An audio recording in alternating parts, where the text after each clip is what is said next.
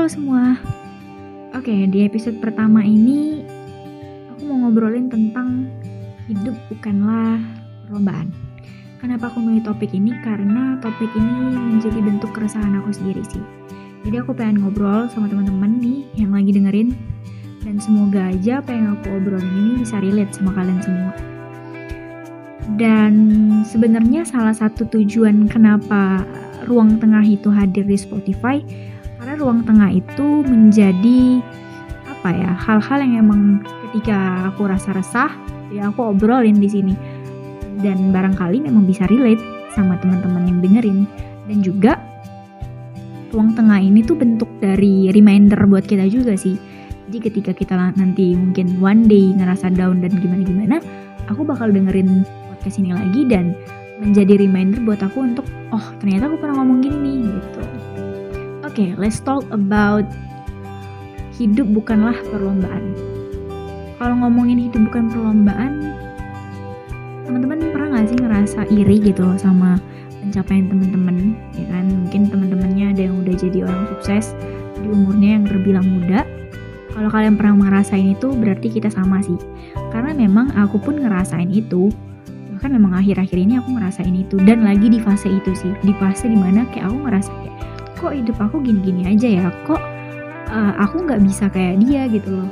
Kayak dia tuh di umurnya yang baru segitu semudah itu tapi dia udah bisa sekeren itu. Sedangkan aku aku cuman kuliah gitu ya cuman ngabisin duit orang tua ya gitu-gitu aja siklusnya. Apalagi kan ini lagi pandemi ya jadi bener-bener kerasa banget gitu loh. Kayak hidup tuh bener-bener gak berguna dan kayak flat banget gitu. Sedangkan ketika aku ngeliat teman-teman aku dia tuh produktif banget dia udah jadi tulang punggung keluarganya dia bisa uh, apa nafkain keluarganya gitu loh. Ada yang udah punya usaha usahanya berkembang dan dia udah punya penghasilan yang besar gitu loh. Bahkan mungkin ada teman-teman aku juga yang ada ya kerja di dinas ya kayak, kayak mungkin bisa jadi PNS gitu kan. Atau ada yang udah jadi polisi banyak gitu loh kadang aku su suka sih ngerasa ada pikiran iri ya yaitu manusiawi ya dan itu normal. Karena memang munafik banget sih kalau ketika kita bilang kita nggak pernah iri sama orang lain itu munafik banget menurut aku. Selagi memang kita nunjukin rasa iri kita tuh dengan hal yang normal yaitu is okay gitu. Nah ketika ada di fase-fase kayak gini fase-fase lagi ngerasa hidup gak guna dan ngerasa iri gitu ya. Aku balik lagi sih coba untuk memahami makna dari hidup bukan perlombaan itu tadi. Karena memang sejatinya benar gitu loh hidup bukan perlombaan ya rezeki orang kan beda-beda gitu ya.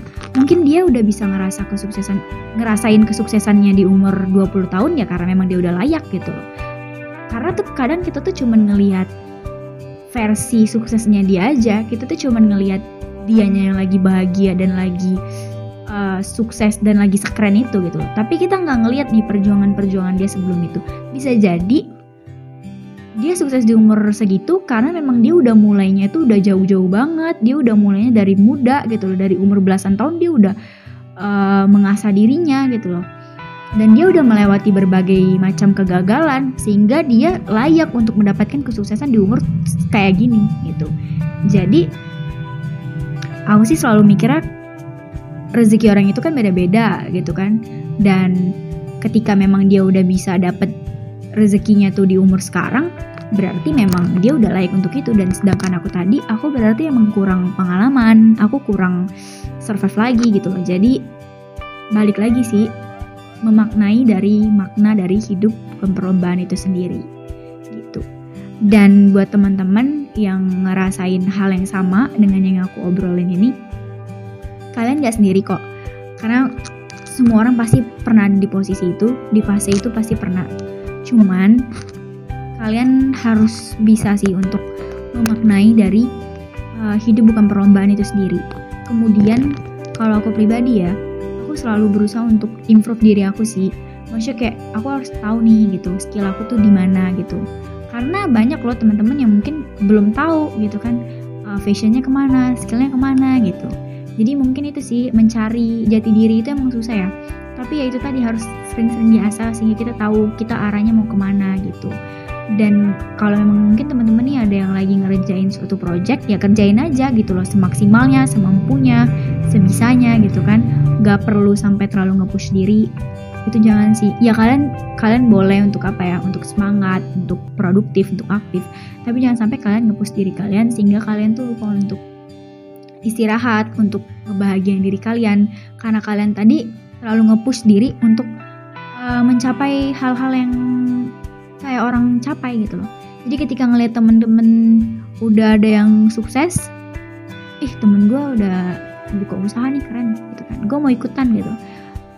Diporsir tuh kerja gitu ya setiap hari sampai lupa beristirahat sampai lupa untuk uh, kasih reward buat diri sendiri sampai segitunya. Dan ketika kamu udah dapet gitu kan kamu udah bisa nih capai kesuksesan itu kamu udah usaha kamu tuh udah keren gitu kan udah sekeren temen kamu apalah arti kesuksesan yang kamu dapat itu?